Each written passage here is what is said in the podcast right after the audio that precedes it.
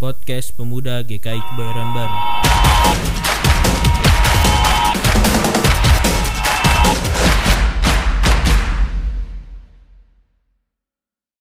Selamat malam.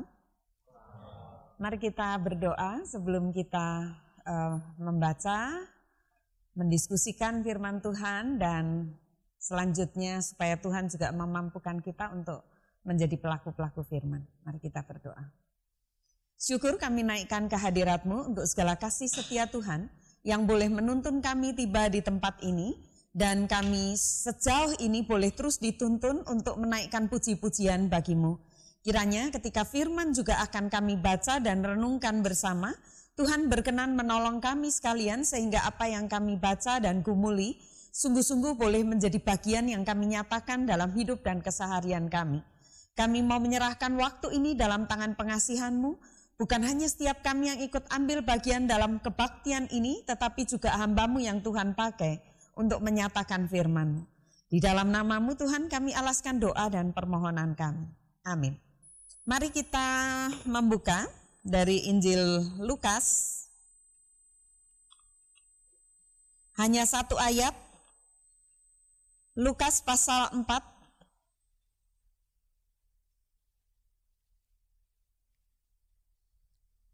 ayat 43. Kita akan membaca bersama-sama ayat ini. Sudah ketemu? Mari kita membaca satu, dua, tiga.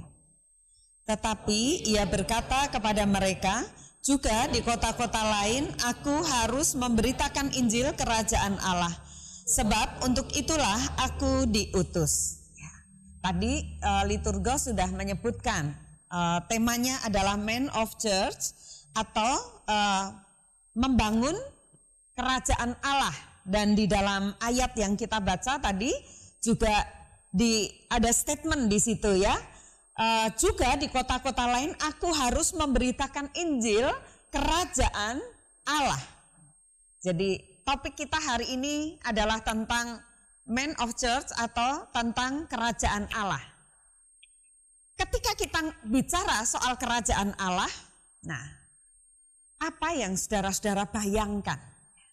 Karena itu saya ingin memberi kesempatan kepada saudara-saudara untuk uh, uh, membayangkan sekaligus menuangkan apa yang saudara bayangkan tentang kerajaan Allah. Jadi misalnya saudara-saudara uh, saya nanti kalau saya membagikan kertas ini mudah-mudahan kertasnya cukup ya. Kalau nggak cukup ya satu bagi dua terpaksa. Saya harapannya satu orang satu. Kenapa? Karena uh, ada tiga gambar yang harus kita buat. Jadi sekalipun kita mungkin nggak punya bakat menggambar nggak apa-apa. Yang yang kalian bayangkan saja gitu ya. Jadi saya tadi menggambar tentang saya membayangkan, ini yang bagian atas. Jadi saya membayangkan kerajaan Allah itu seperti pohon beringin, nggak nggak nggak persis persis amat sih ya. Tapi ya pokoknya pohonnya rimbun gitu ya. Nah lalu saya punya alasan kenapa saya membayangkan kerajaan Allah itu seperti pohon ini. Gitu ya. Nah lalu saya akan meminta di bagian bawah itu dibuat dua bagian kanan dan kiri. Yang sebelah kanan ini adalah tempat untuk kita menggambarkan realitanya. Realita yang kita jumpai. Kalau yang di atas ini kan gambaran kita nih. Kalau saya dengar kata kerajaan Allah, saya membayangkan kerajaan Allah itu seperti ini, gitu kan?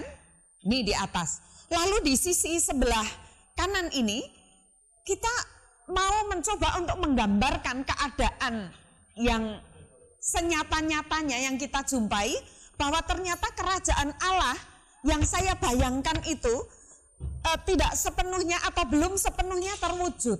Jadi saya menggambarkan di bawah ini pohonnya gersang. Ya.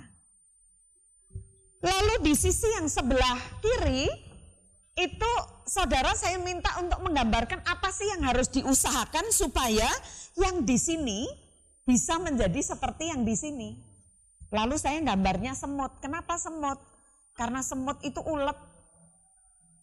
Nggak, nggak gampang putus asa gitu kan. Terus orangnya gesit ya. Ini jenis atau sifat atau karakter dari semut itu kan gesit sekali. Coba kamu taruh gula di somewhere gitu. Nggak berapa lama yang tadinya nggak ada tanda-tanda ada semut. Tahu-tahu dia sudah ada di situ. Kerubutin lagi gitu ya. Uh, nilai filosofinya semut itu bukan cuma rajin, gesit, tapi juga mereka mau bekerja sama. Ya. Satu dengan yang lain. Nah, kira-kira seperti itu yang saya harapkan saudara akan imajinasikan gitu. Dan sebelum kita menggambar, saudara-saudara mungkin dilepas dulu. Saya uh, ingin nanti saudara-saudara akan selesai menggambar lalu bicarakan di dalam kelompok. Kenapa kita memilih itu? Jelaskan. Di dalam kelompok itu kemudian pilihlah yang paling menarik tentu berdasarkan kesepakatan ya. Bukan berarti yang lain jelek loh. Ya, nggak ada imajinasi yang jelek. Semua benar dalam kacamata kita. Jadi ini kalau nanti kemudian di kelompok kita mesti memilih salah satu ini semata pertimbangannya adalah waktu. Gak mungkin semuanya cerita kan? Jadi mesti dipilih salah satu. Nah, saya berharap kita bisa menjadi uh, empat kelompok. Jadi karena empat kelompok berarti kita akan berhitung satu sampai dengan empat. Yang satu dengan satu, dua dengan dua, nanti yang satu di sebelah kiri. Yang kedua di dekat onal. Lalu yang ketiga di ujung sana, yang keempat agak di sini. Ini kan kursinya sudah ada yang menghadap sini, tinggal ditambahin saja untuk berhadap-hadapan. Gitu ya. Silahkan berhitung satu sampai dengan empat.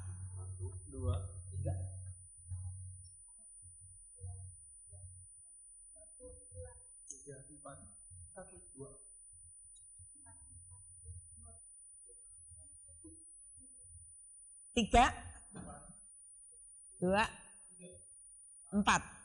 Satu, dua. Nah silahkan yang satu dengan satu, dua dengan dua. Jadi nanti yang saudara kerjakan, saudara kerjakan sendiri dulu. Nggak boleh diskusi. Jangan diskusi yang butuh bolpen ini tersedia. Silahkan. Yang perlu tapi nanti dikembalikan ya. Ini saya pinjam soalnya. Oke, yang bawa bolpen sendiri silahkan menggambar dengan bolpen sendiri. Yang satu di sini, dua di tengah di Onald, yang ketiga di ujung sebelah sana, yang keempat di sini. Uh, lima menit maksimal, lima menit maksimal untuk menggambar, lalu yang sepuluh menit untuk diskusi dan memutuskan punya siapa yang mesti dipilih. Silahkan. Kamu nomor? Satu di kiri. Ya. Satu di kiri, dua di depan, tiga di ujung sana, empat di sini. Sana. Silahkan ambil bangku untuk berhadapan. Langsung duduknya dengan kelompoknya ya, satu deret dengan kelompoknya. Ini kelompok satu di depan, sebelah kiri, kelompok empat di sebelah kanan saya. Kelompok tiga di sebelah kiri bagian belakang. Kelompok dua di, bagi, eh, di baris kedua di belakang kelompok satu. Ya, kelompok empat siapa yang mau maju? Silahkan. Kelompok satu siapa yang maju?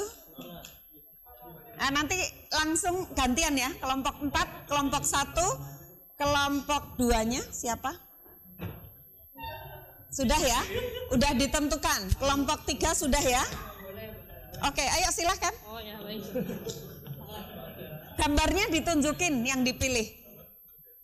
Yang lain tolong uh, waktu ngobrolnya sudah selesai. Jadi sekarang waktunya untuk menyimak. Uh, sampai yuk mana sih? Ya gitu deh pokoknya terang banget sampai mengalahkan Indah, gitu ya. ya banyak gitu penuh. Tapi kalau realitanya saat ini kayak gini uh, ceritanya langitnya gelap. Ada bintangnya ada cuman lebih lebih dominan kegelapannya itu sih dan di, di kayak ditelan gitu oleh oleh kegelapan sinarnya itu. Jadi apa yang dibutuhkan sebenarnya ya lebih banyak bintang yang bisa bersinar dan memantulkan si sinar mataharinya itu. Sebenarnya kalau dicek aku nggak tahu juga sih cara terbentuknya bintang gimana cuman mungkin bintang itu kan terbentuk dari molekul-molekul yang kayak kena tekanan besar gitu tapi dia bisa survive dan jadi terbentuk si bintang ini. Jadi mungkin kalau analoginya kalau lebih banyak orang-orang Kristen di bumi ini yang bisa tahan sama tekanan itu dan bisa memancarkan terang Tuhan ya akan lebih baik akan lebih kayak gini kelihatannya gitu Oke, jadi ini um, mau menggambarkan bagaimana uh, setiap kita harus berusaha untuk memancarkan terang memancarkan terang. Nah, kondisinya sekarang adalah gelap. Oke, terima kasih. Kelompok satu. Setelah itu kelompok dua, lalu terakhir kelompok tiga. Gambarnya saya yang pegang. Eh, selamat malam teman-teman. Kita dari kelompok cerdas cermat satu. Cerdas cermat satu ya. Eh, ini gambarannya kerajaan Allah. Ini yang duduk di sini Bapak, sebelah kanannya Tuhan Yesus dan ini adalah eh, manusia dan kita kita orang. Pinter ya gambar orangnya ya. Iya bu, tadi ngeprint sebentar.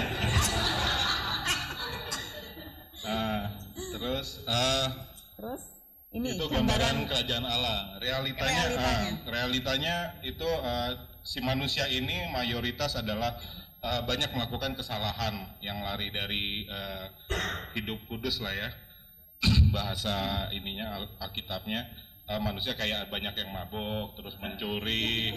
Kenapa mabuk yang pertama? korupsi. Korupsi, terus ah, pemakaian obat ya yang negatif-negatif. sesama ada nggak? Kenapa bu? Menyakiti sesama ada nggak? Ada eh, ini tadi eh, memberontak ya tawuran segala macam lah itu dan lain-lainnya pokoknya melakukan hal yang negatif mayoritas. Eh, kemudian yang ketiga itu adalah Apa yang harus dilakukan? apa yang harus dilakukan. Nah, yang harus dilakukan? Takut lari. yang harus dilakukan itu baca di Lukas 23 Ayat 32. 32 Terus 24 ayat 12. 24 sampai 12. Tolong dibacakan. Nah, coba biar agak-agak ada manfaatnya dibaca. Loh, kamu udah pegang Alkitab loh. Salah bawa. Dibacain Lukas 24 ayat 12. Hah? Oh, dari 23 ayat 32. Oh, topiknya aja tentang apa? Coba buka juga.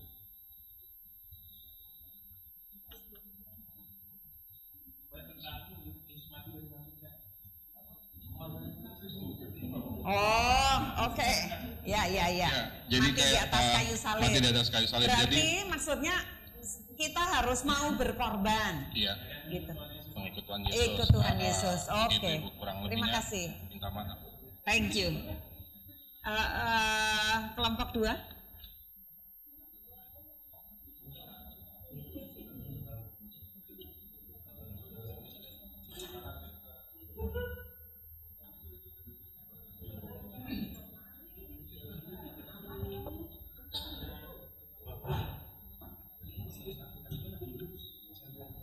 Aduh, aduh.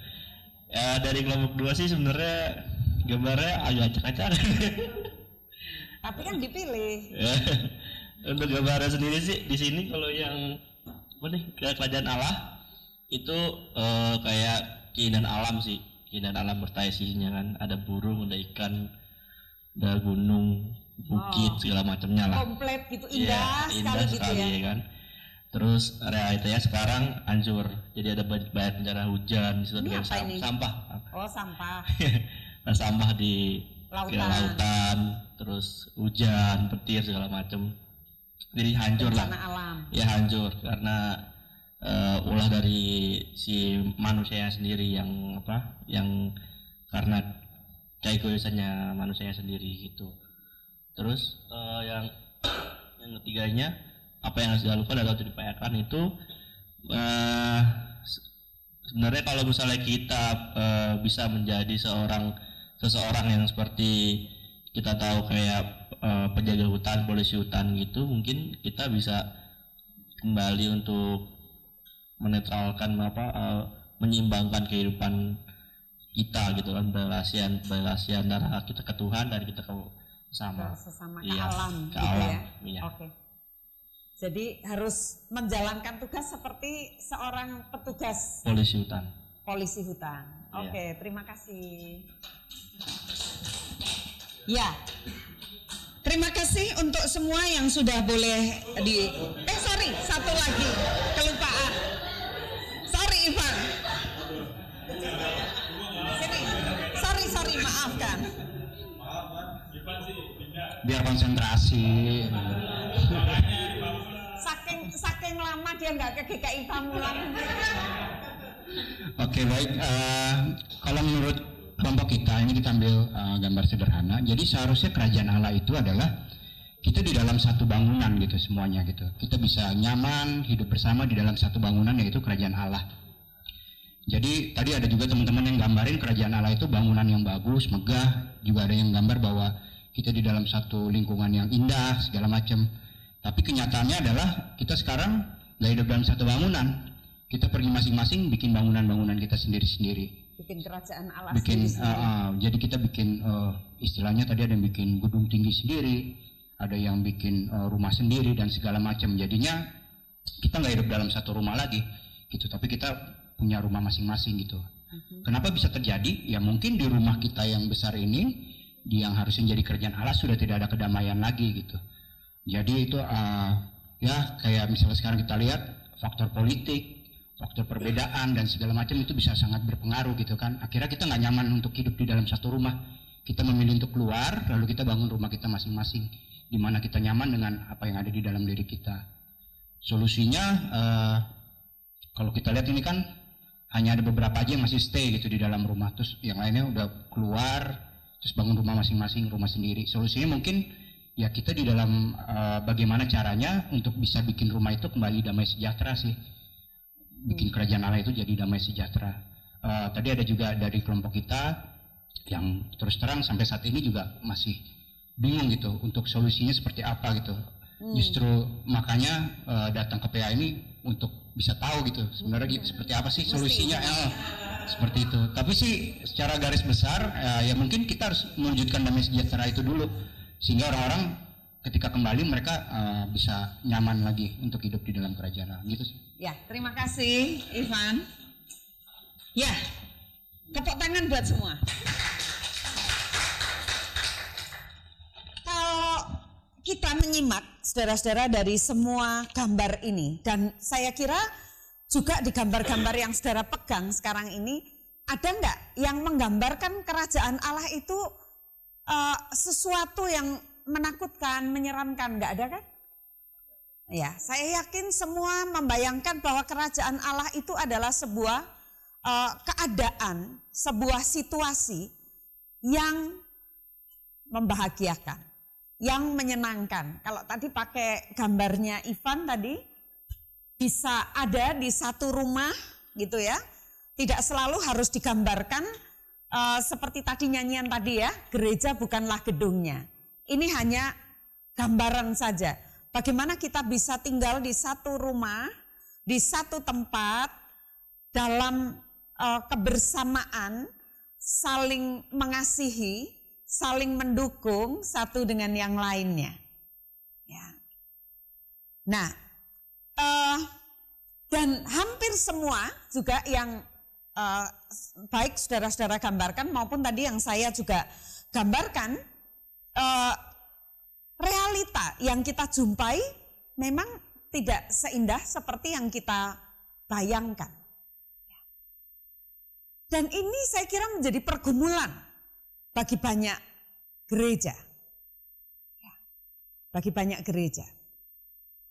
Eh, contohnya, kalau kita bicara soal eh, pemuda saja, pemudanya GKI Kebayoran Baru sudah pernah dijumlah berapa?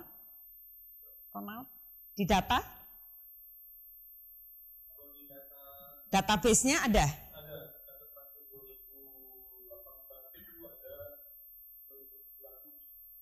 Tuh, 2700. Jadi ini seperberapanya. Lalu yang lain yang 2000 yang 2680-an itu pada ke mana? Ya. Ini ini adalah PR kita. Di GKI Pamulang misalnya, anggota jemaatnya kita sudah 3000 lebih. Tapi kalau kebaktian 1000 antara 1300 sampai 1500. Lalu yang 1500 ke mana? Satu ada di sini. Ya. Ini baru yang ketahuan. Belum yang nggak ketahuan. Apalagi GKI Kebayoran baru.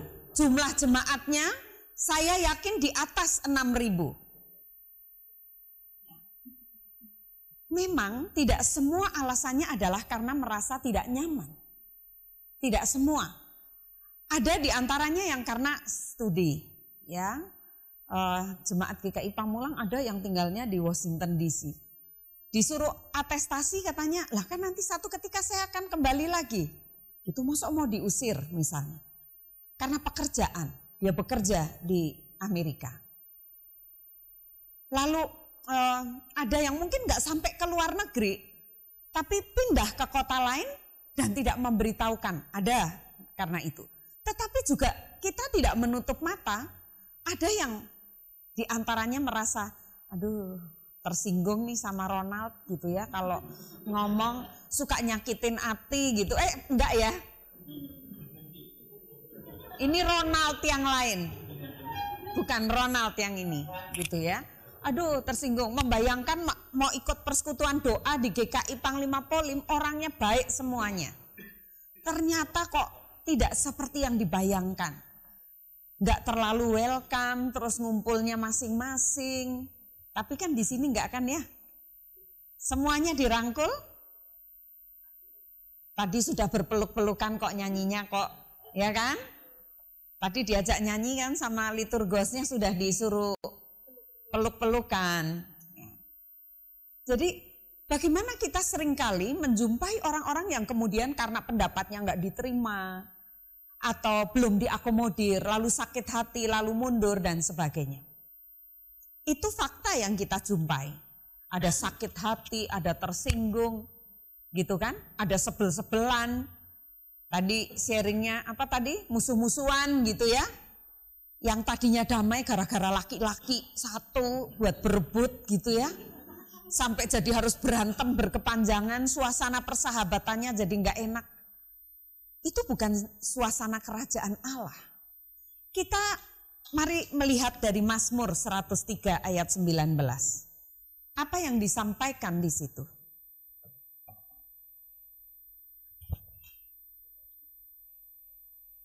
Yang sudah menemukan boleh membacakan? Mazmur 103 ayat 19.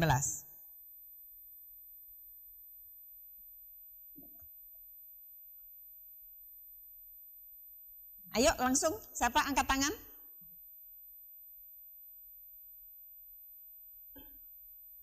Tuhan sudah menegakkan tahtanya di surga dan kerajaannya berkuasa atas segala sesuatu.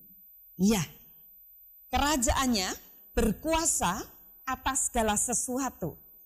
Satu lagi, uh, tolong dibacakan dari Roma 13 ayat 1 dan 2. Siapa yang bisa membacakan Roma 13?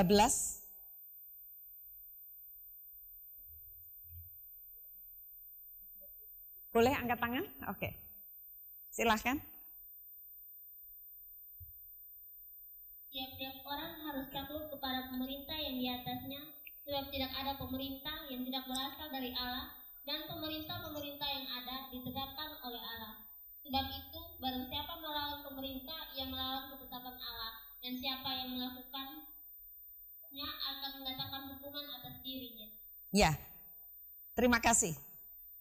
Baik dari Mazmur 103 maupun dari Roma 13 sangat jelas bahwa kalau kita bicara soal kerajaan Allah itu bukan sesuatu yang nanti nunggu kita dipanggil oleh Tuhan atau ketika Tuhan datang untuk yang kedua kalinya.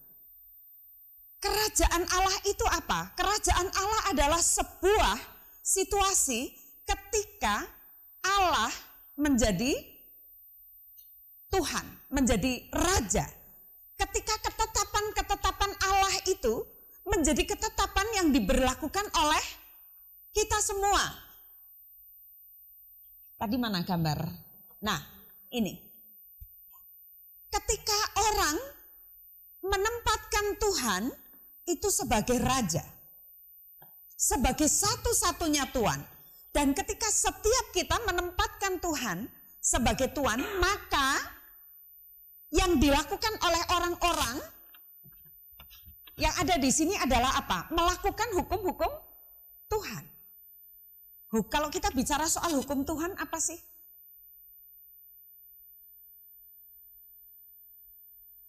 Sangat simpel, tetapi memang sangat tidak mudah untuk dilakukan. Kasihilah Tuhan Allahmu dan kasihilah sesamamu manusia. Bagaimana prinsip ini menjadi prinsip yang mengalasi kehidupan keseharian kita, mengalasi kehidupan gereja. Mengalasi apa pun yang kita kerjakan, baik di tengah pekerjaan kita atau di tengah studi kita. Kalau kasih atau hukum Tuhan itu diterapkan, gak akan ada musuh-musuhan. Kalaupun diambil sama siapa? Yang F sama H tadi? F yang ngambil ya? F yang ngambil punya H. Yang di Hah? H yang ngambil. Nah, mau dia udah ambil. Kalau orang mengasihi kan mau berkorban. Kasih itu selalu mau berkorban. Jadi kalau tadi juga memberikan gambaran, entah itu semut, entah itu petugas hutan gitu kan, atau simbol salib, atau simbol bintang yang digambarkan, semua menuntut pengorbanan. Gak ada yang gak ada pengorbanan. Dan itulah kasih. Jadi kalau tadi digambarkan di sini seperti ini, indah, ya, gemerlap, tapi di sini kemudian gelap, maka yang harus dilakukan sebetulnya sangat sederhana. Kalau kita membaca saudara-saudara di 2 Timotius pasal 4 ayat 2. Silahkan boleh dibantu untuk dibaca. 2 Timotius pasal 4 ayat 2.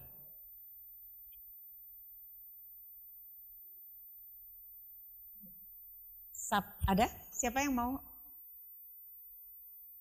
Beritakanlah firman, siap sedialah baik atau tidak baik waktunya, nyatakanlah apa yang salah, tegur, tegurlah dan nasihatilah dengan segala kesabaran dan pengajaran.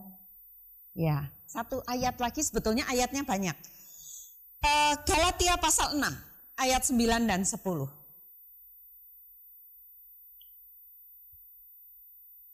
Galatia pasal 6 ayat 9 dan 10. Udah ketemu? Janganlah kita sungguh-sungguh berbuat baik, karena apabila sudah datang waktunya, kita akan menuai. Jika kita tidak menjadi lemah. Karena itu, selama masih ada kesempatan bagi kita, marilah kita berbuat baik pada semua orang, tetapi terutama pada kawan-kawan kita seiman. Ya, terima kasih. Jadi apa yang harus dilakukan?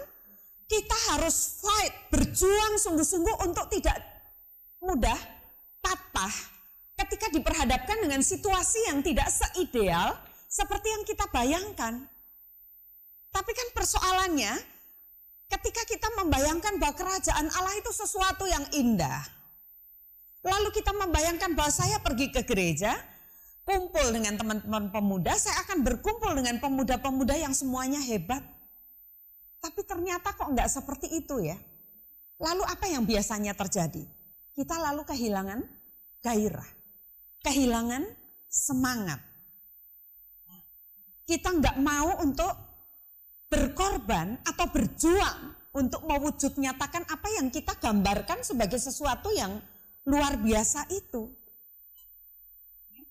Karena itu tepat sekali kalau Paulus mengatakan, jangan kamu jemu-jemu untuk berbuat baik.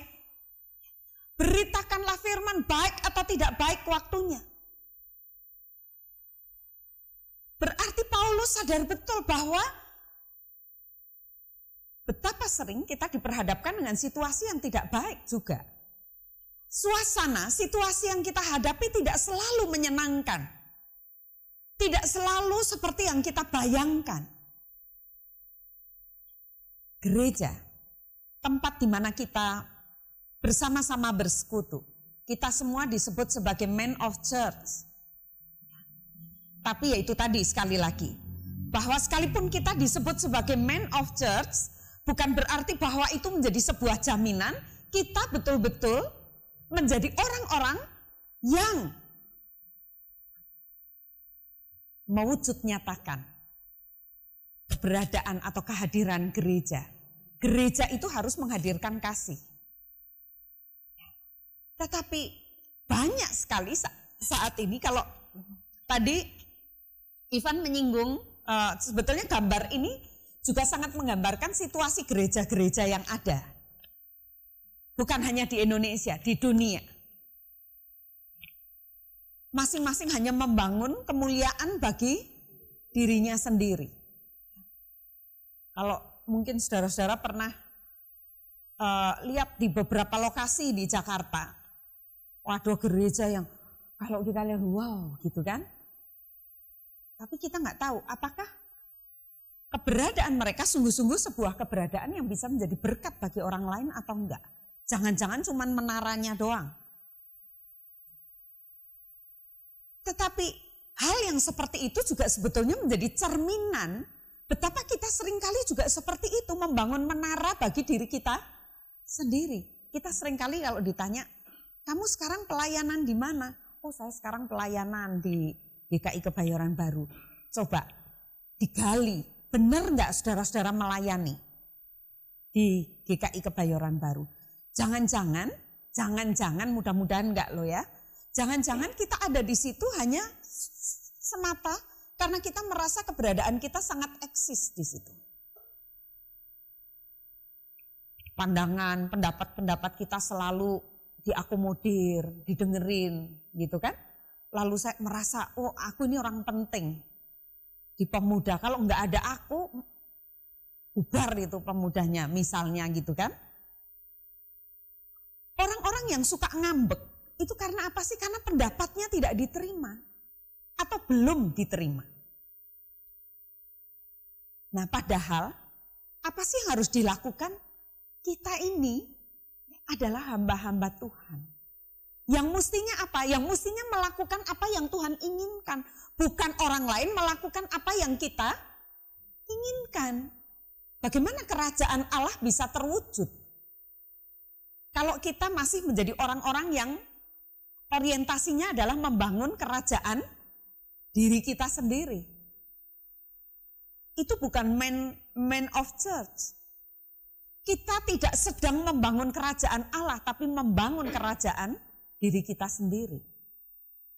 Ketika kita bersama-sama menghayati bahwa oh kerajaan Allah itu seperti ini loh. Maka ini seharusnya menjadi visi kita bersama. Apa yang saudara bayangkan dengan kerajaan Allah melalui gambar saudara masing-masing? Itu harus menjadi visi bagi setiap saudara. Ini yang harus aku upayakan di dalam hidupku. Jadi kalau kita bicara soal manusia, manusia kerajaan Allah, maka ya siapa itu? Bukan orang lain, bukan pendeta, bukan pendamping, bukan penatua, tapi setiap kita adalah man of church. Yang dipanggil seperti yang tadi dikatakan di dalam Injil Lukas. Bagaimana Tuhan Yesus menyampaikan bahwa setiap kita itu dipanggil untuk membangun, memberitakan Injil, memberitakan kerajaan Allah. Itu bukan cuman pengurusnya, bukan cuman penatuannya, tapi setiap kita. Dipanggil untuk mewujudkan ini. Nah karena setiap kita dipanggil untuk mewujudkan kerajaan Allah dan kita diperhadapkan dengan sebuah situasi bahwa ternyata realita yang kita jumpai tidak ideal, maka jangan pernah, jangan pernah. Saudara dan saya lalu memutuskan, udah saya mau cari kerajaan Allah yang lain yang lebih hebat dari tempat di mana kita berada sekarang. Itu orang-orang yang suka jalan-jalan, ya pergi ke gereja-gereja lain, jangan dikira mereka nggak punya masalah. Mereka punya masalah, masalahnya masing-masing. Setiap gereja selalu ada plus minusnya. Ya, GKI dengan gereja Katolik misalnya. Memang beda, gereja Katolik orientasi kemanusiaannya lebih tinggi. Di GKI memang organisasi terlalu kuat. Tapi bukan tidak penting, organisasi itu penting. Tapi pelayanan kepada sesama juga penting. Maka apa yang harus kita lakukan? Kita berusaha untuk menyeimbangkan itu. Ada gereja-gereja yang orientasinya cuma kebaktian minggu tok. Ya. Sehingga wah pokoknya kalau pergi ke gereja itu tuh kebaktian minggunya hebat, musiknya hebat. Oh iya, uangnya semua dipakai untuk itu. Kalau di GKI nggak bisa begitu, kenapa? Dari kita untuk kita. Uang persembahannya dipakai bukan hanya untuk urusan kebaktian hari Minggu, tapi juga untuk jemaat yang membutuhkan pelayanan untuk gereja-gereja lain, jemaat lain yang membutuhkan, untuk kegiatan-kegiatan pelayanan jemaat. Tapi ada gereja-gereja yang memang urusannya cuma kebaktian minggu. Kalau saudara-saudara punya kesempatan satu ketika pergi ke Amerika, di sana gereja-gerejanya itu orientasinya adalah hanya pada lebih banyak pada soal kebaktian minggu. Sehingga ya uang persembahannya ya itu tadi. Dan di Indonesia ini mulai sekarang. Ada beberapa gereja yang wah pokoknya musiknya hebat, ininya hebat. Tapi ya itu tadi. Fokusnya adalah pada kebaktian minggu. Jadi semua gereja sebetulnya ada plus minusnya. Jadi kalau saudara punya kekecewaan, bukan malah ditinggalin. Tadi firman Tuhan sudah mengingatkan, jangan kamu jemu-jemu untuk berbuat baik. Kita yang harus, kalau kita melihat bahwa oh ini masih ada yang kurang. Maka yang tahu bagaimana kita harus melakukan sesuatu adalah kita sendiri. Bukan malah kita tinggalin, terus nanti saudara-saudara cepat atau lambat satu ketika saudara juga akan kecewa. Karena di dunia ini nggak ada yang sempurna. Dan percayalah saudara-saudara, di mana pun saudara ditempatkan oleh Tuhan. Tuhan punya maksud bagi saudara dan saya. Kenapa saudara-saudara kok disuruh ikutnya di GKI Panglima Polim? Di Panglima Polim sini sekitar sini banyak gereja kan? Kenapa saudara dituntunnya ke sini? Cari apa yang Tuhan mau untuk saudara. Ya, apa pun dan melalui apa pun itu jelas setiap kita dipanggil untuk ini. Menghadirkan kerajaan Allah. Dan kerajaan Allah itu terwujud ketika kita betul-betul memiliki ketertundukan kepada hukum-hukum Tuhan. Itu kerajaan Allah. Jadi kerajaan Allah tidak usah nunggu kita mati dulu, dipanggil Tuhan dulu baru ada kerajaan Allah di sana. Tidak. Kerajaan Allah itu dimulai saat ini, di sini. Ketika kita mau memberikan diri kita untuk Tuhan dan membiarkan hukum-hukum Tuhan menjadi uh, hukum yang kita berlakukan dalam hidup kita, maka di situ kerajaan Allah diwujudkan. Jadi ketika kita bisa saling mendukung satu dengan yang lain, memahami bukan hanya kelebihan teman-teman kita, tapi juga kekurangan teman-teman kita. Ini yang sering kali sulit kan? Kalau ada teman kita yang punya kelebihan, wah kita gampang sekali deketin dia. Tapi coba kalau ada teman kita yang punya kekurangan, belum-belum kita udah dari jauh udah bad mood duluan gitu kan. Kata lagunya Once itu kan, apa katanya? Aku mau men men mencintai kekuranganmu. Hmm? Fisik bukan. Nah, good. Ya, bagi, ya, iya betul. Ya, jadi jangan cuman ngelihat sesuatu yang terlihat, tetapi oke, okay, apa yang baik yang ada karena setiap orang selalu ada plus dan minus. Ya, bagaimana di situ kita bisa saling menerima satu dengan yang lain, bahkan kita mau berkorban seperti yang dilakukan oleh Tuhan Yesus. Maka di situlah kerajaan Allah terwujud. Jadi kalau kita bicara soal kerajaan Allah nggak usah muluk-muluk. Berlakukan hukum Tuhan dalam hidupmu. Upayakan itu kita wujudkan itu dalam hidup setiap kita. Jangan menunggu orang lain. Mulailah dari diri kita sendiri. Di situ ada kerajaan Allah. Amin. Jadi mulai sekarang mari kita bersama-sama membangun kerajaan Allah bukan secara fisik tetapi membangun kerajaan Allah melalui hidup setiap kita. Ya, ketika kita mau betul-betul memperlakukan firman Tuhan itu, hukum-hukum Tuhan itu percayalah, ya, Tuhan tidak akan pernah meninggalkan saudara dalam setiap perjuangannya karena memang memberlakukan hukum Tuhan tidak semudah membalikkan tangan. Dibutuhkan pengorbanan. Kalau tadi ada yang memberikan gambaran salib, kalau kita bicara soal salib itu kan jelas Salib itu ya identik dengan berkorban.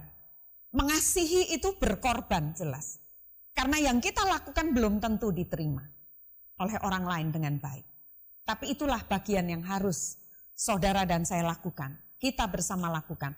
Baik dalam lingkup keluarga, baik dalam lingkup bergereja, maupun di tengah-tengah masyarakat Indonesia ini.